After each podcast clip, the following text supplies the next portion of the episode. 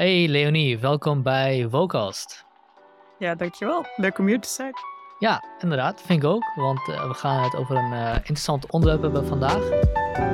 Um, we gaan in ieder geval beginnen met jouw onderzoek. Uh, jij hebt onderzoek gedaan naar de effecten van media exposure op extreem rechts in verschillende landen in de Benelux. En daar komen wat interessante dingen uit die relevant zijn voor de discussie tussen censurering, vrije speech, wie hoort een podium te krijgen, wie hoort geen podium te krijgen. Uh, en ik meen me te herinneren dat vorig jaar daar ook nog wel wat ophef over was, over, uh, over dat onderzoek van jou. Maar, of tenminste een artikel van jou, misschien kun je dat misschien uh, zo meteen iets over vertellen. Um, maar ik vind het een belangrijk onderwerp om te bespreken, omdat we zien dat er steeds meer opkomt uh, aan de flanken en dat dat ook steeds populairder wordt. Uh, en dat is op zich niet een probleem, maar we zien ook bepaalde elementen in onze samenleving die uh, willens en wetens lijken, en sommigen zeggen dit ook gewoon ronduit zelf, lijken te willen destabiliseren. Dat dat echt hun reden is. Mm-hmm. En hoe we daarmee om moeten gaan in een open samenleving, want dat is denk ik een goed die we allemaal willen, willen behouden, is een groot vraagstuk. Uh, en dan is de vraag ook, uh, wat voor effect heeft media op, uh, op zulke dingen? En daar heb je onderzoek naar gedaan, dus daar, kunnen we, daar gaan we naar kijken. Dan gaan we van jou horen wat, wat er uitgekomen is. En daarna gaan we kijken wat we daar dan mee moeten. Want mm één, iets, één ding wat mensen denk ik heel goed moeten onthouden als het aankomt op wetenschap, dat je een bepaald resultaat krijgt, wil niet zeggen dat je er ook op een bepaalde manier mee om moet gaan. Wetenschap is, als het goed is, hopelijk vooral empirisch. Dat zegt iets over de staat van de wereld. Maar het hoeft niet een eenduidig antwoord te geven over wat je daarmee zou moeten doen. Um, het verschil tussen empirie en ethiek misschien, of empirie en beleid of iets dergelijks. Goed, komen we misschien later op. Uh, ik ben al aan het doordraven. Uh, vertel even kort wie je bent en, en wat je doet, Leonie. Uh, nou ja, ik ben politicoloog. Um, ik kom oorspronkelijk uit Luxemburg. Althans, mijn ouders uh, zijn oorspronkelijk uit Nederland, maar ik ben in Luxemburg geboren en opgegroeid. En, uh, maar dat natuurlijk wel met Nederlandse familie. En zodanig kwam ik uh, toen een beetje terecht op het spoor van nou, hoe kan dat nou dat in Nederland, een land wat naar buiten zich heel erg toont als zo'n ja, van de tolerantie, hoe kan het dat in Nederland uh, radicaal en extreem rechts opkomt? Hè, toen hadden we het over Wim Fortuyn en daarna Wilders en Baudet. Um, Terwijl dat in Luxemburg niet het geval is. Dat is een beetje de onderzoekspuzzel die, ik, uh, ja, die mij al heel lang bezighoudt. En um, in die zoektocht ben ik toen gaan kijken naar factoren die een rol spelen in um, waarom radicaal rechtspopulistische partijen het beter doen in sommige landen dan in andere. Ik heb gekeken naar de Benelux-landen, want België maakt die puzzel helemaal uh, interessant. Dan heb je mm. natuurlijk een Franstalig gedeelte waar uh, een perfecte voedingsbodem is voor dit soort bewegingen, maar geen radicaal en extreemrechtse partijen. En in Vlaanderen van oudsher wel. Um, nou, en, en een van de factoren die daar een rol in spelen, um, uh, is de, of die daar een belangrijke rol in speelt, is de media. Ik heb niet, uh, ik moet je al meteen even een aanvulling doen, want het, wat ik niet heb onderzocht is het effect van mediaberichtgeving op electoraal succes. En dat is heel moeilijk te meten. Daar kunnen we het wel even over hebben. Kun je, kun je dat specifiek, want wat bedoel je daarmee? Bedoel je met Bedoel je het verschil tussen populariteit en electoraal succes? Is dat wat je bedoelt? Nou, jij, jij uh, zei in je inleiding dat ik gekeken heb naar het effect van media op uh, ja, de opkomst van radicaal en extreem rechts. En dat heb ik niet specifiek onderzocht. Ik heb gekeken naar de manieren waarop de media omgaan met dit soort partijen in verschillende ja. landen. En daar zie je dus hele duidelijke patronen in. Er zijn heel verschillende manieren van hoe je daarmee omgaat. En dat is één van de redenen die een belangrijke rol spelen inderdaad in um, opkomst van dit soort partijen. Oké, duidelijk. Dus ik nuanceer dat al een beetje. Ja, ja, dat, ja. Zegt, dat is niet, uh, de media is niet een soort van uh, uh, doorslaggevend in dit, in dit geval. Nee, oké. Okay. Um, voordat we verder gaan over die factoren, wat, wat, wat is de inhoud van het woord radicaal of extreem? Hoe definieer je een partij? Waar, wanneer wordt een partij radicaal of extreem? Zijn dat twee inwisselbare woorden of zijn ze ook verschillend?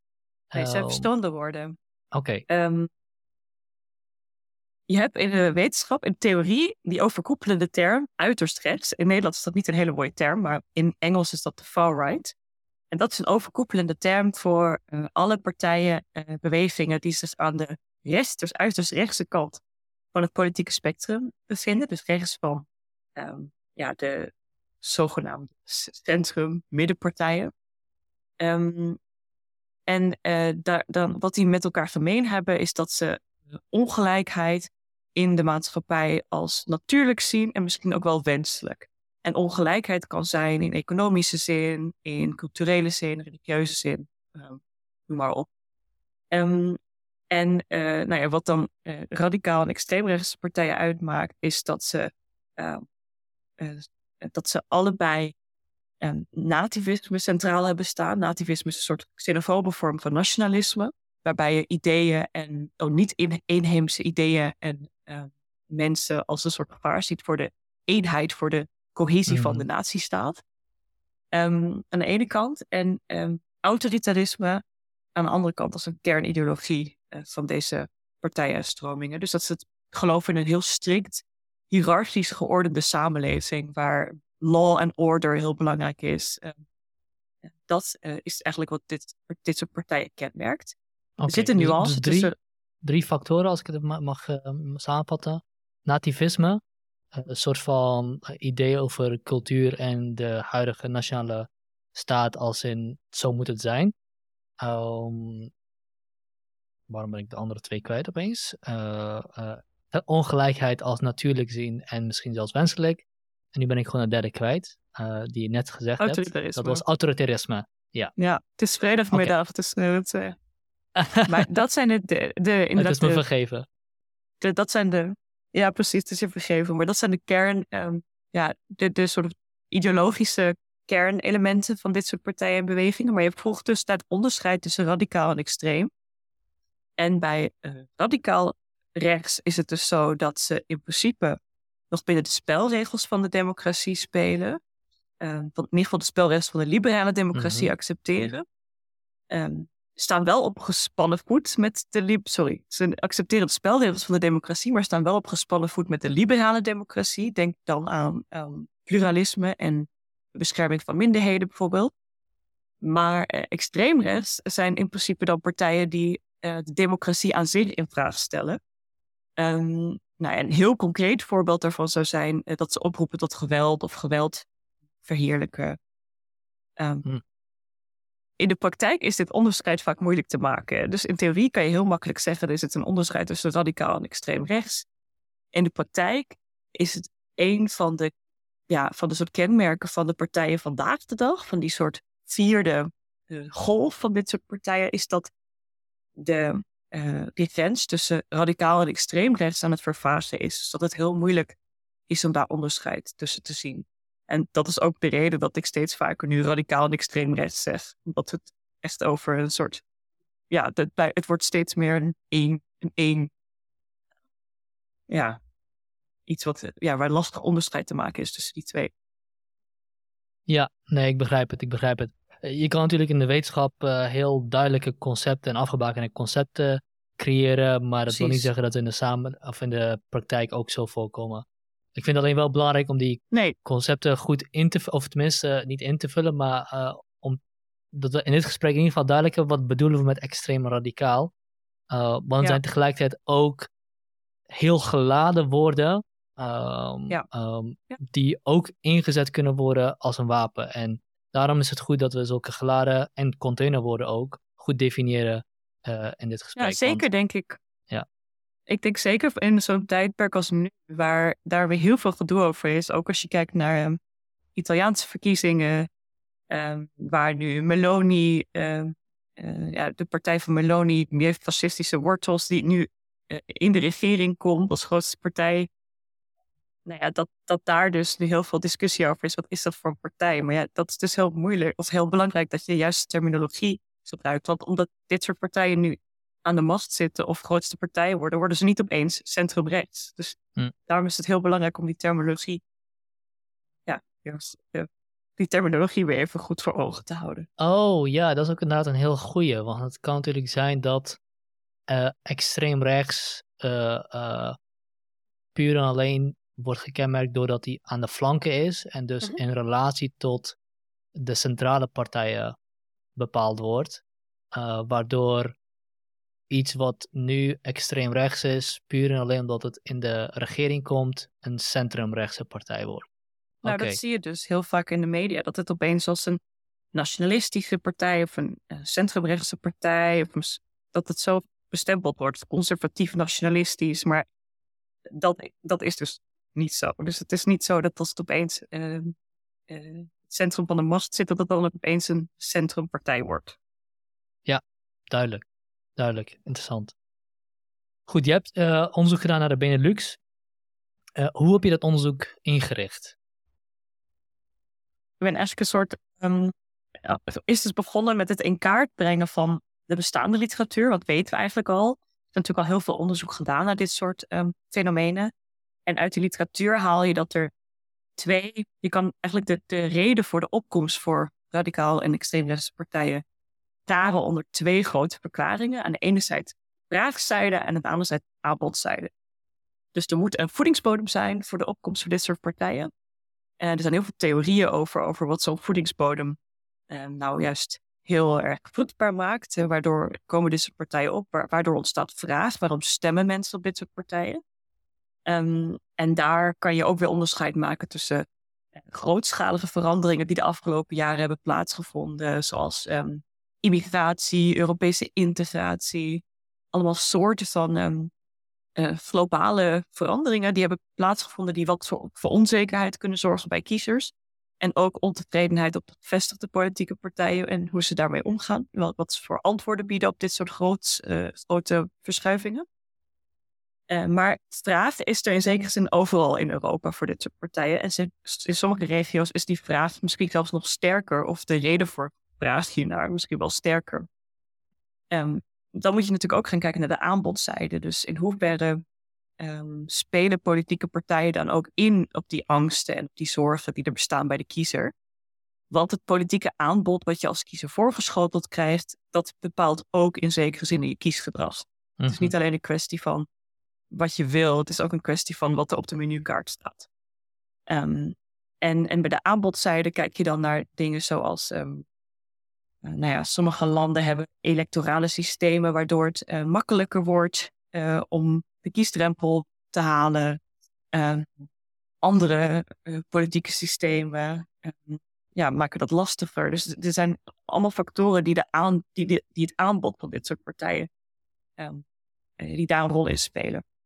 Nou, vanuit dat raamwerk, vanuit die vraag- en aanbodzijde, heb ik gekeken naar mijn vier casussen. Nederland, ehm, Vlaanderen, Wallonië en Luxemburg. Mhm. Maar dat kon dus niet een volledig antwoord bieden op die vraag. Hè, van hoe kan dat nou dat er in Nederland eh, en in Vlaanderen wel radicaal rechts is en in Luxemburg en Wallonië niet? Ja. En toen ben ik naar... Ja, sorry? Nee, nee, ik, zei, ik, ik was aan het beamen wat je zei. Oh, ja. Van, oké, ik, ik ik volg je. Ja, maar toen ehm, ben ik zat, verder gaan zoeken. En er zijn eigenlijk twee factoren die toen naar voren kwamen.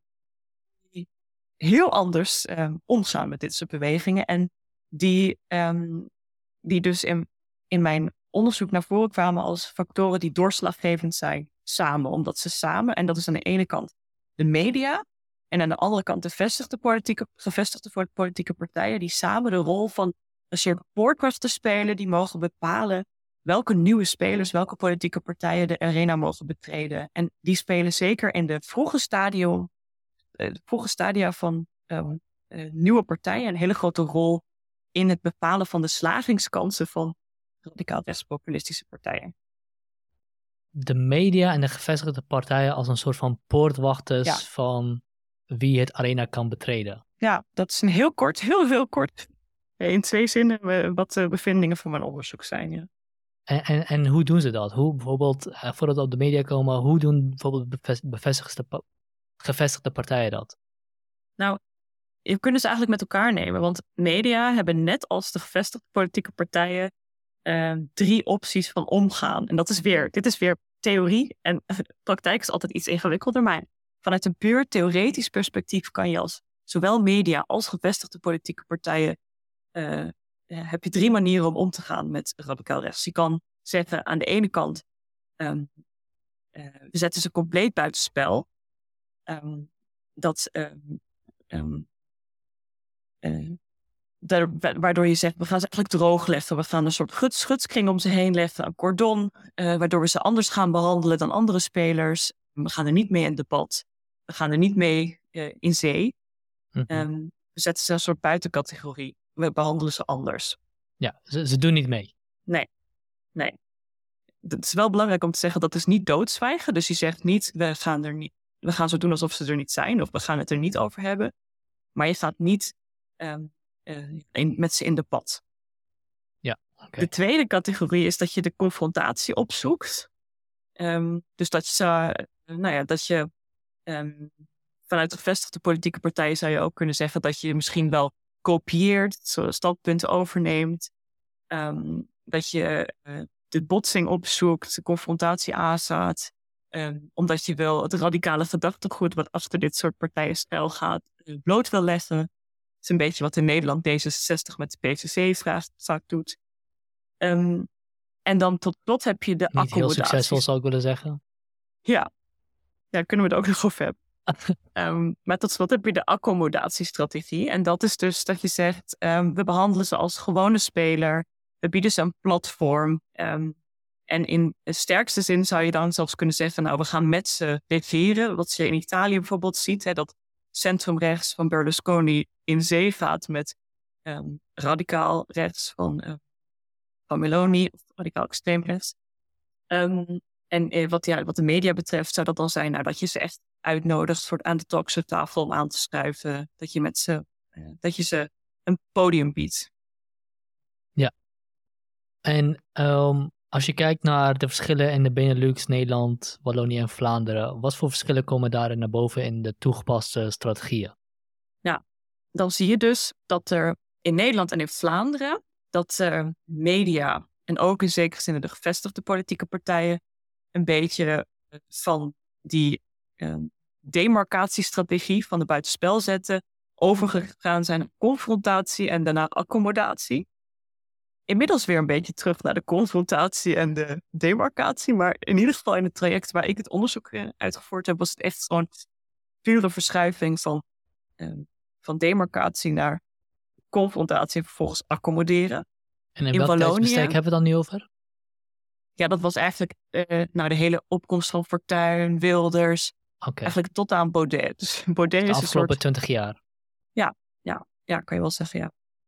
Um, en als we het hebben over eh, Wallonië en Luxemburg, dan zie je met name in Wallonië heel duidelijk de.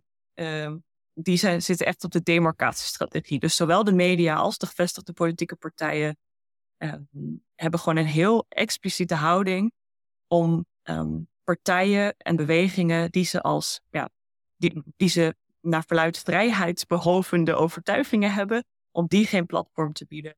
En daardoor is het in die regio's heel erg moeilijk voor dat soort bewegingen om voet aan de grond te krijgen, omdat ze, uh, ze worden eigenlijk in de kiem gesmoord. En uh, nou ja, ze kunnen dus niet, uh, ze kunnen niet, ehm, ja, ze, krijgen ze, kunnen, ze komen de electorale arena, de politieke arena niet eens binnen. Of dat goed of slecht is voor de democratie, dat is punt twee. Hè? Dat... Is, een, is een, een, punt inderdaad, inderdaad. Ja. Um, dus eigenlijk, uh, um, je, nam, je noemde drie strategieën. Uh, accommodatie, demarcatie en uh, cordon sanitair. Of con confrontatie, sorry. Ja. De, de, demarcatie is de cordon sanitair. Ja, heel goed. Um, en afhankelijk van welke je gebruikt, hoe sterker je ze eigenlijk, laten we zeggen, buitensluit, uh, hoe, hoe, uh, hoe meer het effect heeft op hun kansen van slagen. Klopt dat? Ja, en misschien wel belangrijk om te benadrukken dat de timing daarvan heel belangrijk is. Dus de reden dat dat in Wallonië heel goed werkt, is omdat daar ook nog niet zo'n partij is. Aha. Het is namelijk heel moeilijk om een partij buiten spel te gaan zetten naarmate dat die 20% van de stemmen heeft. Dus dat ja. is denk ik, die timing is heel erg belangrijk. Dat werkt dus, maar, maar dan klopt dat inderdaad. Dus als ja. voordat dus zo'n partij groot wordt, is het inderdaad. Uh, uh, ja. ja. Voordat de GZ de fles is, kun je hem nog uh, tegenhouden door. Ja, of als de tandpasta eenmaal uit de tube is, hè, dan kan je de tandpasta moeilijk weer terug in de tube duwen. Is dat iets van uh, Benelux of... Ja, ik weet um, even kijken, ja, oké. Okay. Um, en, en je zei dat in Nederland het, het, uh, het, uh, het uh, aan het verschuiven is en aan het veranderen is. waar komt dat, denk je, door? Waar, waardoor kom, denk je dat Nederland van accommodatie naar terug gaat gaan naar. van accommodatie naar confrontatie naar demarcatie aan het gaan is? Misschien moeten we eerst even dan die vraag beantwoorden met hoe komt het dat Nederland overgegaan is, überhaupt van die demarcatie naar confrontatie naar accommodatie? Oké. En dat is natuurlijk een verschuiving die over jaren plaatsgevonden heeft. En dat had ook uh, te maken met um, de moord op Pim Fortuyn en um, de opkomst van Pim Fortuyn daarvoor al. Dus dat was echt een soort. Dat was natuurlijk echt een, aard, een aardbeving in de Nederlandse politiek.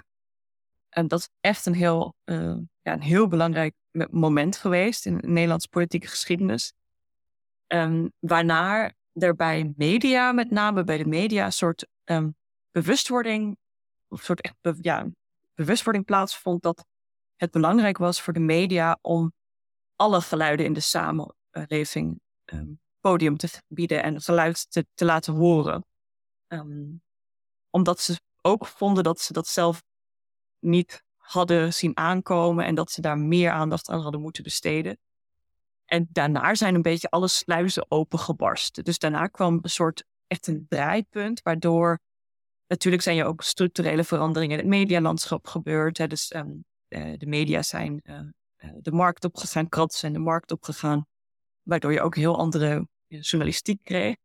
Maar op het algemeen kan je zeggen dat die verschuiving plaatsgevonden heeft over een periode van 20 jaar. En dat heeft ook ervoor gezorgd dat zo'n geluiden van radicaal en extreemrechtse partijen in de Nederlandse politiek um, een, een, een, spectrum of een plaats gegeven werd. Daar werd, daar werd mhm. aandacht aan besteed.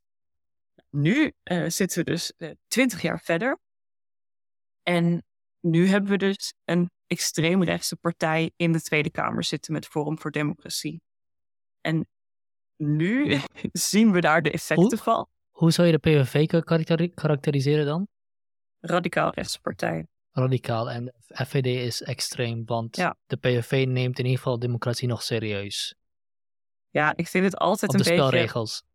Ik, ik vind... Kijk, als je nu dat onderscheid gaat maken tussen radicaal en extreem... Op papier wel. Tegelijkertijd is het zo dat je nu, omdat we nu een extreemrechtse partij hebben, krijg je nu een soort tendens dat we zeggen... Oh, gelukkig hebben we Wilders nog. Dat het een soort van... Dat Wilders opeens een soort moderaat alternatief wordt. En dat is precies waar um, een beetje het gevaar zit in normaliseren van radicaal en extreem rechts gedachtegoed.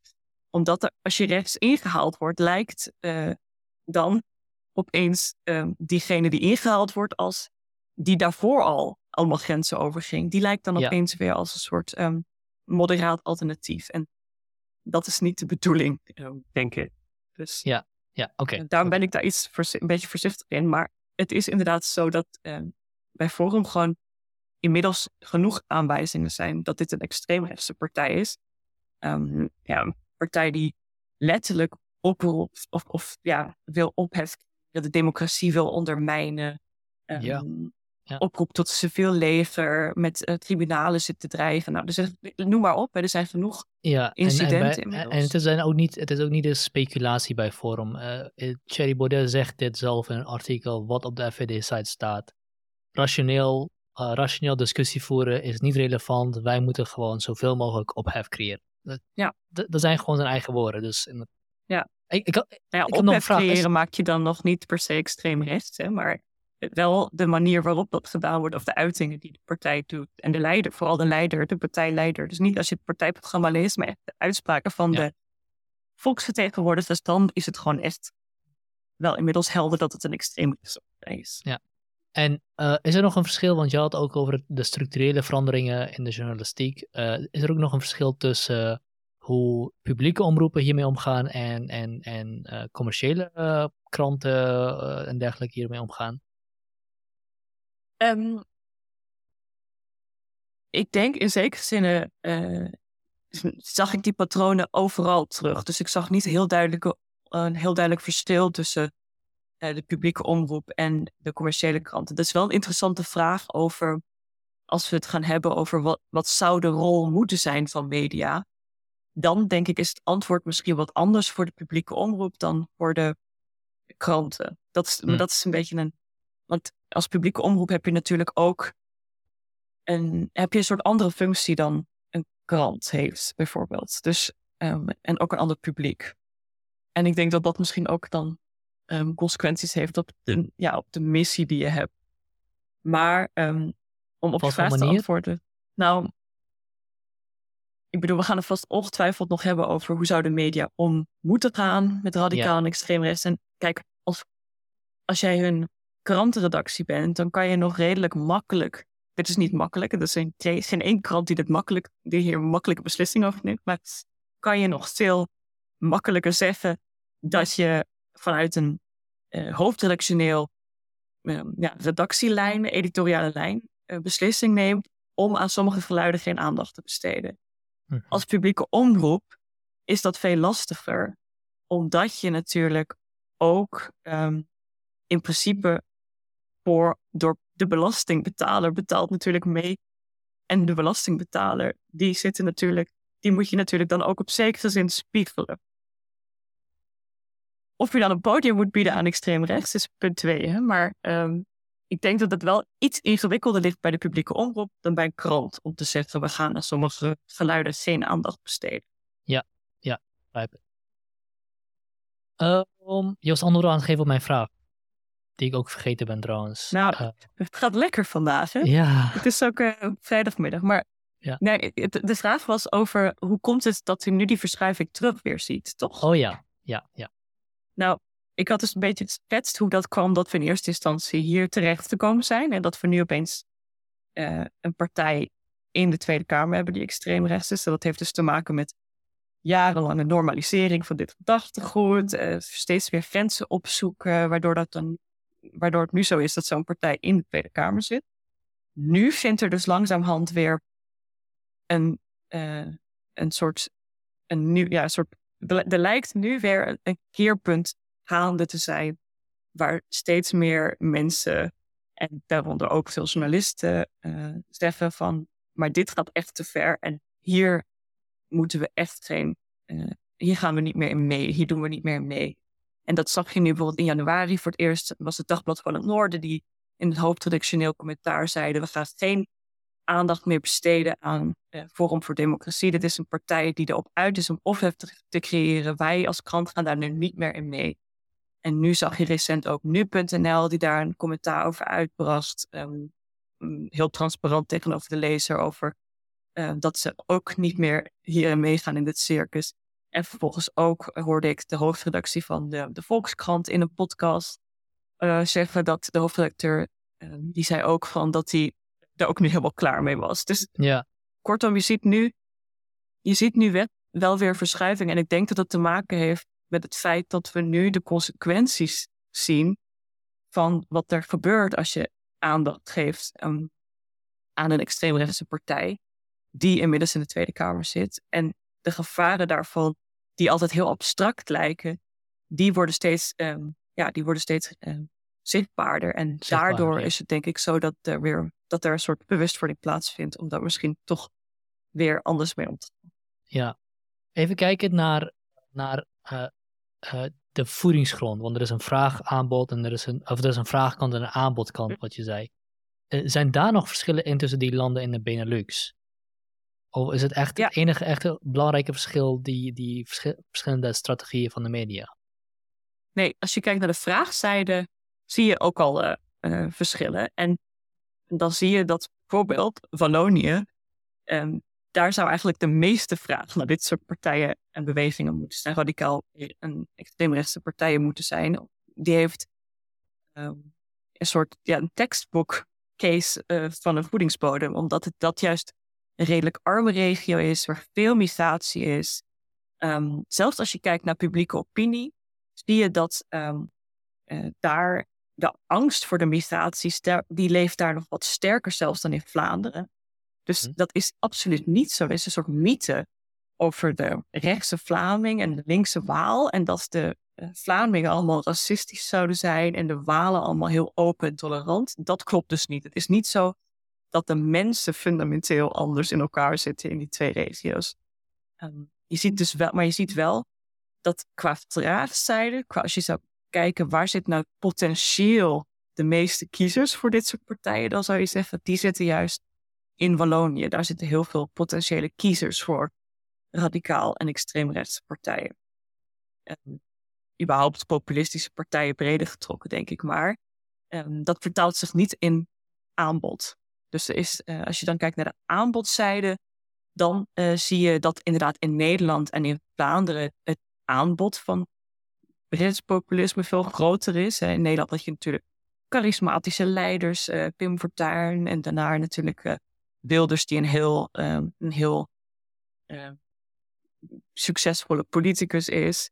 Um, dus politieke aanbod is natuurlijk, en in Vlaanderen had je natuurlijk het Vlaams Blok, uh, toenmalig Vlaams Blok, nu Vlaams Belang, die hele diepe wortels in de Vlaams nationalistische beweging hebben, waardoor ze heel goed netwerk hebben. Dus het aanbod is gewoon, kortom, het aanbod is daar veel sterker. Maar, um, en in Luxemburg en Wallonië is dat minder het geval. Daar heb je gewoon niet echt die charismatische leider. Je had wel vaak partijen die het proberen, um, maar die kregen ook vaak ruzie onder elkaar.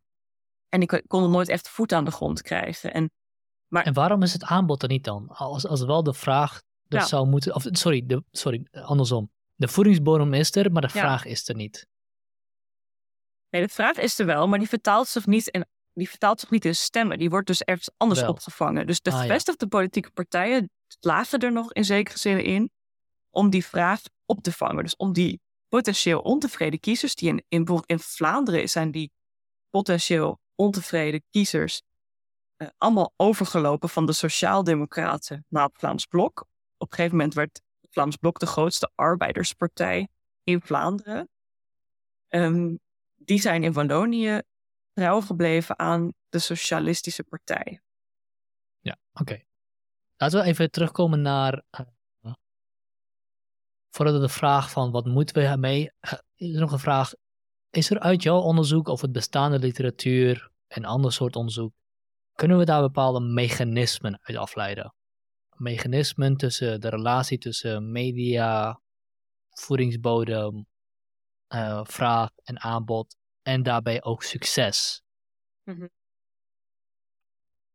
Er is heel veel onderzoek naar de rol van de media, de rol van sociale media. Het is heel moeilijk meten. Hoe, want hoe, de vraag is een beetje, hoe kan je meten wat nou het directe effect is van of er nou in één krant een artikel over Baudet staat en wat heeft dat dan voor een effect op de kiezersuitslag? Dat is dus heel moeilijk te meten ook een beetje de kip-op-ei-vraag komt steeds weer terug. En, maar uh, er zijn dus inmiddels bijvoorbeeld onderzoeken gedaan over uh, door tijdreeksanalyses, waardoor je dus kan kijken wat kwam eerst en kwam er eerst aandacht naar Wilders en zijn, uh, en zijn proces. toen hij, hij was natuurlijk vanwege die minder, minder Marokkanen opmerking, op een gegeven moment voor de rechter gesleept. En het onderzoek van Ali Tamstra bijvoorbeeld aan de UvA heeft heel mooi laten zien dat de, de media-aandacht die door die rechtszaak gecreëerd is, dat dat um, uh, veel, dat dat um, in ieder geval hielp in, uh, dat, dat, je dat, dat je dat terugziet in de electorale trends of in de populariteit van Wilders. Ja. Dus, maar kortom, het is heel moeilijk dit, om dit te meten, om dit, dit te meten. Te meten. te meten. Ja, tuurlijk, want, uh, want hoe ga je überhaupt de inhoud meten. Want ja. even blijvende bij die, uh, bij, die, uh, uh, bij die voorbeeld van Wilders. Eh, hadden heel veel mensen niet wellicht, of dat terecht is of onterecht is, laten we in het midden. Hadden mensen, heel veel mensen wellicht niet het idee toen ze dat lazen dat Wilders te hard aangepakt werd. Dat hij eigenlijk onterecht de mond werd gesnoerd. en dat, dat daardoor die aandacht leidde naar meer populariteit voor Wilders. Um, dus die vraagstuk van wat is de inhoud van die media exposure is op zichzelf, of sorry, wat is de, uh, de reactie van mensen op die inhoud, media exposure, is op zichzelf al belangrijk en denk ik nog moeilijker te meten dan uh, het effect waar je het net over had. Ja, Nou ja, dat, dat is precies. Het is een heel technisch verhaal. Hè? Dus, dus, um, maar je kan dus wel aan de hand van die tijdreeksanalyses een soort kausaal verband vaststellen tussen de zichtbaarheid van Wilders in dagbladen, vervolgens hè, door die rechtspraak, en, uh, en dan vervolgens op het zetelaantal in de peilingen. En dan Hmm. zie je dat de media-aandacht meer invloed heeft op peilingen dan andersom. Ja. Dus, het is, dus Ja. kortom, Ja, je kan ja. wel, je kan dus aan dat soort, aan de hand van dat soort. En, en hetzelfde eh, zien we ook met als je kijkt naar de zichtbaarheid van het onderwerp van migratie bijvoorbeeld. Hè. Dus als het onderwerp van migratie in de media veel aandacht krijgt, dan vergroot dat de electorale steun voor anti-immigratiepartijen. Mhm, Dus mhm. eh, en als je dat allemaal bij elkaar optelt, heb je verschillende onderzoeken, kan je zeggen dat de media wel een belangrijke rol spelen. En ik denk dat dat iets is wat eh, over het algemeen, waar wetenschappers het over eens zijn, de media spelen ook al. En kunnen we, kunnen, we, kunnen we daar ook uit concluderen dat eh, de exposure op zichzelf al genoeg is om eh, dat effect te creëren? Ik denk zeker in de beginfase van zo'n partij is, telt inderdaad dat iedere aandacht eh, aandacht is. Want ook, ook al is het dan ehm, vanuit confrontatieperspectief, ook al is het dan vanuit het idee van nou, we nodigen eh polit- politicus uit om, eh, om vervolgens het verdachte, de verdachte goed te ontmaskeren, geeft dat ook een soort van legitimiteit. Omdat je dan in ieder geval al als een serieuze speler gezien wordt. Hmm, Dus eh, kortom, ik denk dat, dat zeker in die beginfase de aandacht, ehm, of die nou goed of slecht, of wat voor aandacht dan ook, dat iedere aandacht ehm, winst is. Ja, ja, want meer mensen weten van je bestaan, dus de potentie Ja. wordt in die opzicht groter. Ik denk En dat dat minder dat het afneemt naarmate dat een partij al groot is, dat het dan dat effect minder zichtbaar is. En dan is natuurlijk de vraag, wat moeten we daarmee? Hoe moeten we daarmee omgaan? Ja, Ehm, want eh, je, je, je noemde een aantal, eh, aantal karakteristieken van wat een partij radicaal maakt of extreem maakt. En een van die eh, eh, karakteristieken was dat ze bijvoorbeeld eh, de spelregels van de democratie niet serieus nemen. Mhm. Nou, je kan je ook afvragen, waarom zou je daarmee uitgesloten zijn van een legitiem debat? Moeten de spelregels van de democratie of de democratie in het algemeen zelf niet bevraagbaar zijn? Nu is de vraag, is dat relevant voor een politieke partij of niet? Hè? Dat, is, Mhm. dat is een anders. Maar is het niet op zichzelf al waardevol dat een politieke, dat de democratie bevraagd wordt door een partij? Even losstaand van de manier waar, manieren waar we, waar we het zien gebeuren, dat de Mhm. FVD daar natuurlijk geen eh, positieve bijdrage aan levert, daar zijn we natuurlijk al mee, tenminste daar zijn wij twee het met- denk ik wel mee eens. Mhm. Ehm, want het vraagstuk wat hieronder ligt is, eh, een samenleving moet ook op een bepaalde manier kunnen vernieuwen. En die vernieuwingen eh, komen vaker wel dan niet, denk ik, vanuit flanken die wellicht in het beginstadium als extreem of radicaal gezien worden. Of lijken, eh, lijken te slaan tegen de fundamenten van die maatschappij. Eh, eh, een voorbeeld om te noemen, een vegan lifestyle, wat voorheen ex- als extreem misschien gezien zou worden, is natuurlijk nu heel sterk gemeengoed. Verder Mhm. teruggaand, eh, mensen die wellicht eh, eh, jaren geleden tegen de, voor de afschaffing van slavernij waren, werden gezien als mensen die tegen de spelregels van de maatschappij ingingen. Ehm, waarom noem ik deze voorbeelden? Niet omdat ik terug wil gaan naar het verleden, maar omdat het vraagstuk is: hoe zorg je ervoor dat je extreme geluiden niet afrekent op het feit dat ze tegen eh, onze bestaande structuren ingaat, maar afrekenen op het feit dat wat ze representeren op zichzelf, laten we zeggen, slecht is. En nu is slecht ook zo'n containerwoord wat heel veel dingen kan betekenen. Mhm. Maar we hebben allemaal een concept van goed en slecht en daar kunnen we het over discussiëren. Maar ik denk dat we het op dit moment wel abstract kunnen houden. Hoe kun je dat, dat arena, waar de media eh, een grote rol in speelt, ehm, zo inrichten dat er ruimte is voor nieuwe geluiden, zij het extreem, zij het niet. En dat de juiste, degene die ons beter maken, doorgefilterd worden. En degene die ons slechter maken, niet doorgefilterd worden.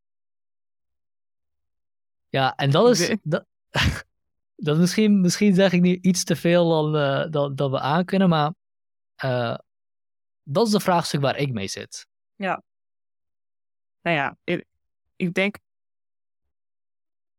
Bij democratie is altijd de vraag: hoeveel tolerantie moet je bieden aan de vaak al te intolerante opvattingen van radicaal en extreem rechts? Hoeveel ruimte moet je daaraan bieden? Um, ik denk dat er een fundamenteel verschil zit tussen activisme en extremisme.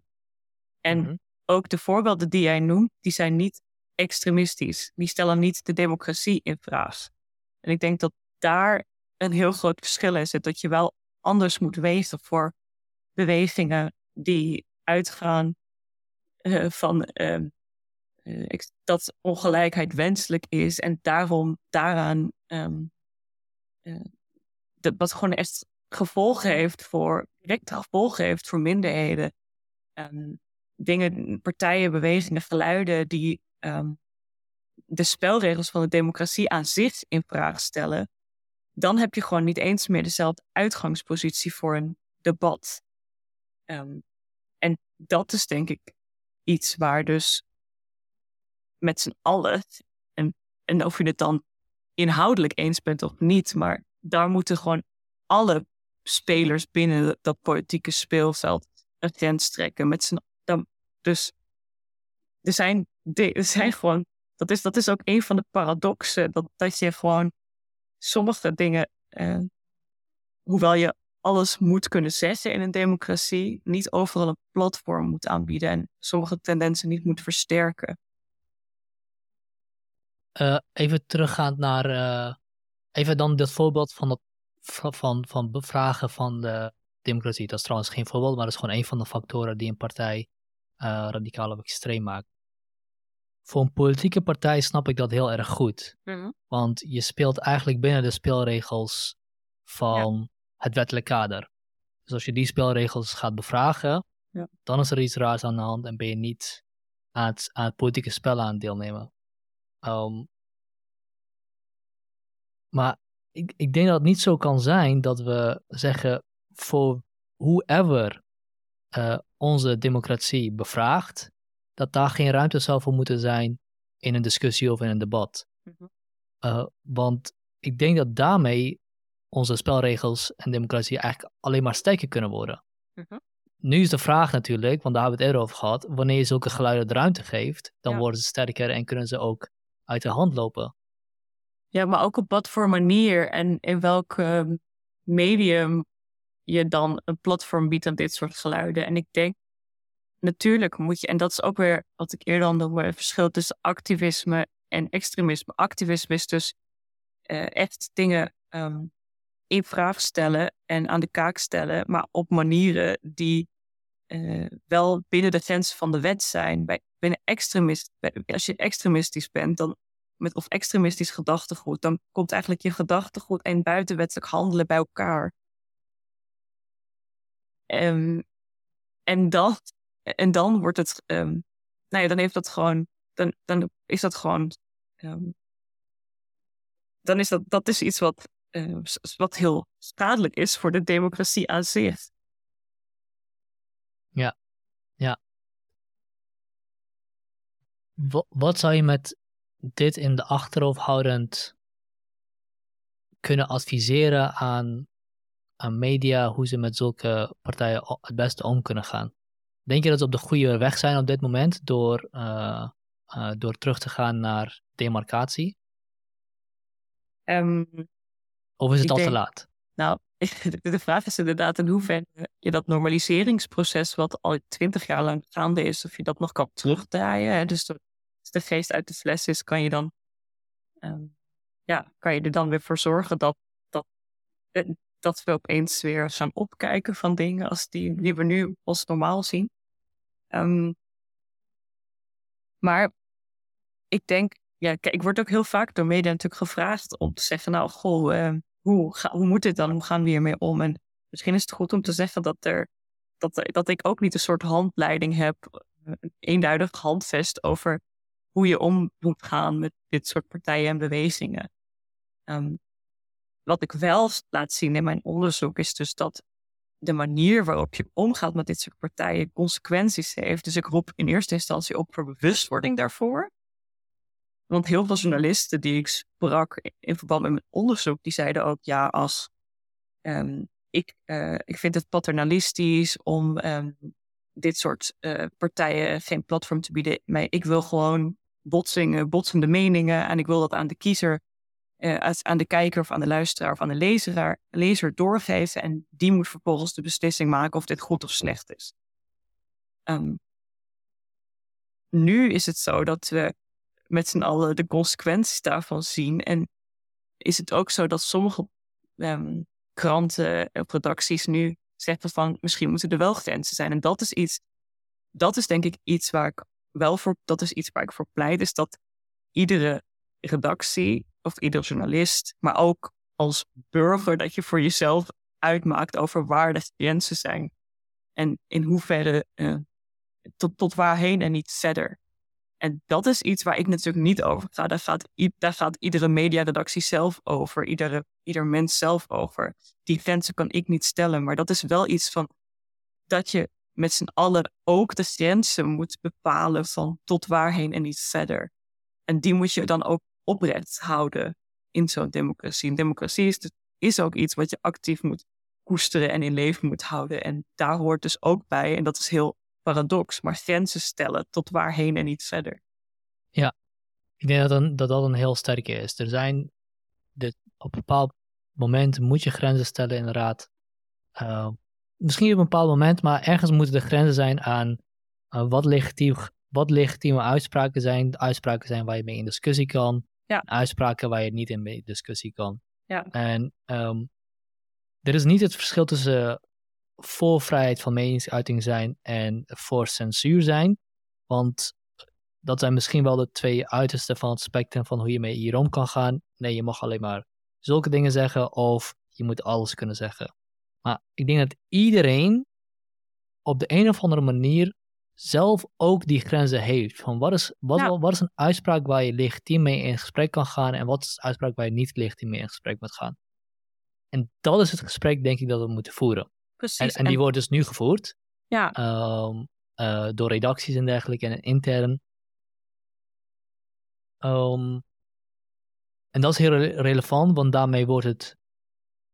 Want om die vrijheid van meningsuiting te beschermen, moet je ook bepaalde kwalijke elementen uh, filteren. Dat, dat is gewoon wat is, want bepaalde elementen in ons huidige debat zijn gewoon niet uit op een vrij debat. Die zijn gewoon uit op uh, het verzieken van het debat. Nou ja, bijvoorbeeld hè, vrijheidsberovende overtuigingen moet je uithalen om de vrijheid te kunnen beschermen. Dat is heel paradox, maar dat is juist waar het om gaat. En dat is dus dat is nog steeds heel abstract. En wat is dat dan precies? Maar dat is dus iets ja, wat, wat je is dus. bijvoorbeeld een vrijheidsberovende uitspraak?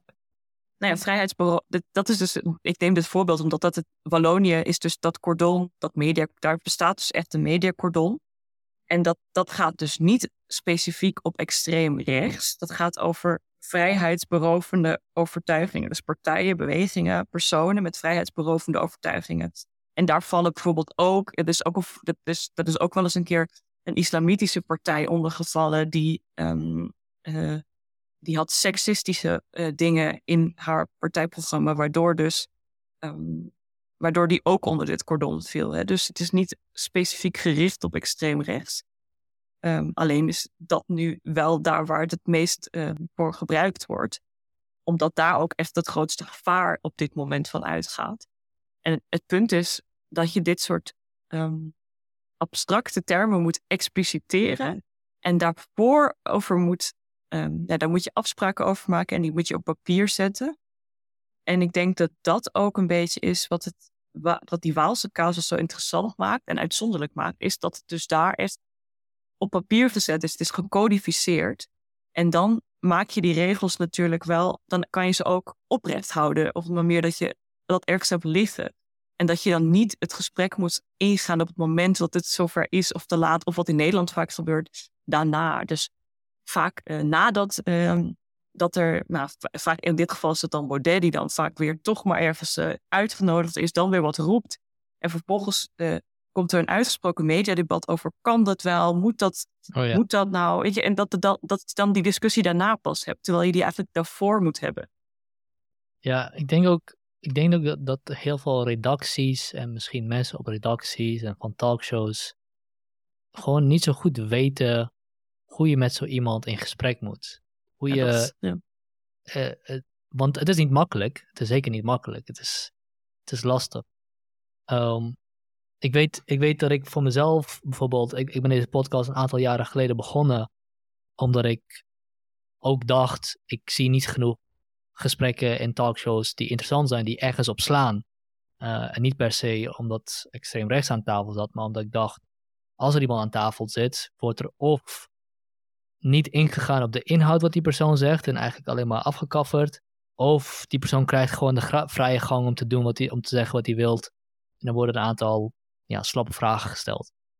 Um, in de gesprekken die ik heb gehad met mensen, ben ik me wel gaan realiseren. Er zijn bepaalde mensen waar je mee spreekt, die zijn gewoon niet eerlijk. Die, zijn, die zitten daar gewoon niet om een eerlijk gesprek met je te voeren. Um, uh, wat ze zeggen is niet wat ze echt denken, maar wat ze kunnen zeggen om jou onderuit te halen. Of om iets te zeggen waar ze mee kunnen scoren. Heb je ook bij je podcast uh, meegemaakt? Ja, ja, ja. Bijvoorbeeld Willem Engel, die heb ik, die heb ik gehad. Uh, oh, die, ja. ik op, eh, die, die, die, heb ik hier gehad. Nou, als ik hem op, uh, op tv zag, uh, was het al duidelijk dat hij, dat hij onzin uitsprak. Uh, dat, dat was vanzelfsprekend. Alleen waarvan ik, waar, ik een beetje last van had, was dat er zo'n moraliserende antwoord op kwam. Van, maar jij vindt toch ook wel dat de ouderen dit.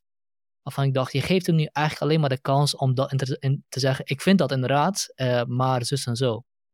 Maar als je bij zo'n persoon gewoon doorvraagt, gewoon de vraag stelt als in van leg eens uit wat je bedoelt, valt hij vanzelf door een mond. Mhm. Dat was mijn insteek. Mm Terugkomen van het gesprek, realiseer ik me, oké, hij is best wel door de mond gevallen. Ik, ik, ik heb wel door dat, hij, uh, uh, dat het niet klopt wat hij zegt. Maar daar zit geen eerlijk persoon. Daar zit een soort van masker die, uh, die, die een agenda heeft en dat wil hij bereiken. En die is niet bereid om met jou een eerlijk gesprek te voeren. En dat is voor mij eigenlijk de keuze geweest van, oké, eigenlijk moet ik wel goed gaan nadenken dan. Met wie wil ik uitnodigen en wie wil ik niet uitnodigen. Want uh, het feit dat iemand uh, populair aan het worden is, is niet meer genoeg om met die persoon in gesprek te gaan om te kijken wat hij nou te zeggen heeft. Je moet een echt gesprek met iemand kunnen voeren. Um, en die grenzen, over wie, met wat voor iemand wil je in gesprek of niet, en hoe ga je met die persoon in gesprek of niet, uh, wordt steeds relevanter om met elkaar te bespreken. En ook voor jezelf te bepalen, want dat zei je al. Want ik denk, waar ik, wel niet, waar ik echt niet tegen kan, is dat iemand zegt: jij mag iemand geen podium bieden. Ik denk, ja, dat, dat is niet hoe het werkt. Uh, maar ik kan natuurlijk wel heel duidelijk uitleggen waarom iemand niet een podium verdient. Dat is weer een ander verhaal. Maar dat is denk ik ook heel belangrijk. Um, om het weer terug te brengen naar het bredere plaatje van de rol van de media en een maatschappelijk debat. Ben je een doorgeefluik? Ben je een, um, of ben je een soort watchdog van de democratie. En er zit waarschijnlijk nog heel veel tussen. Um, ik denk dat het heel belangrijk is om transparant te zijn over de keuzes die je maakt. Dus door te zeggen van, um, nou, eh, wij als uh, redactie uh, gaan daar geen aandacht aan besteden, want, en dan vervolgens uitleg. Om het dan, nou ja, doordat je ook naar de lezer of naar de kijker uitleg geeft over waarom uh, bepaalde journalistieke keuzes gemaakt worden. Ik denk dat dat uh, ook belangrijk is in, in, in dit soort uh, vraagstukken. Ja, ook. En, en ook waar je, waarom je iemand misschien wel alsnog uitnodigt. Ja. maar het vraagt wel van je om een standpunt in te nemen. en als je een standpunt inneemt, ben je een doelwit. en en dat, dat, dat, maakt het voor, dat maakt het moeilijk. Goed. Um, hebben we nog iets? Hebben we nog iets... Uh, Zouden denk ik nog eh, uren hierover kunnen doorkletsen. we zouden niet om vier uur nog een heel nieuwe Nee, line of precies. reasoning beginnen. Dus eh, als, eh, als jij verder geen afsluitende opmerkingen hebt, dan, eh, dan houden we gewoon hierbij. En eh, misschien eh, ooit nog een keer een eh, gesprek. lijkt me leuk. Dankjewel.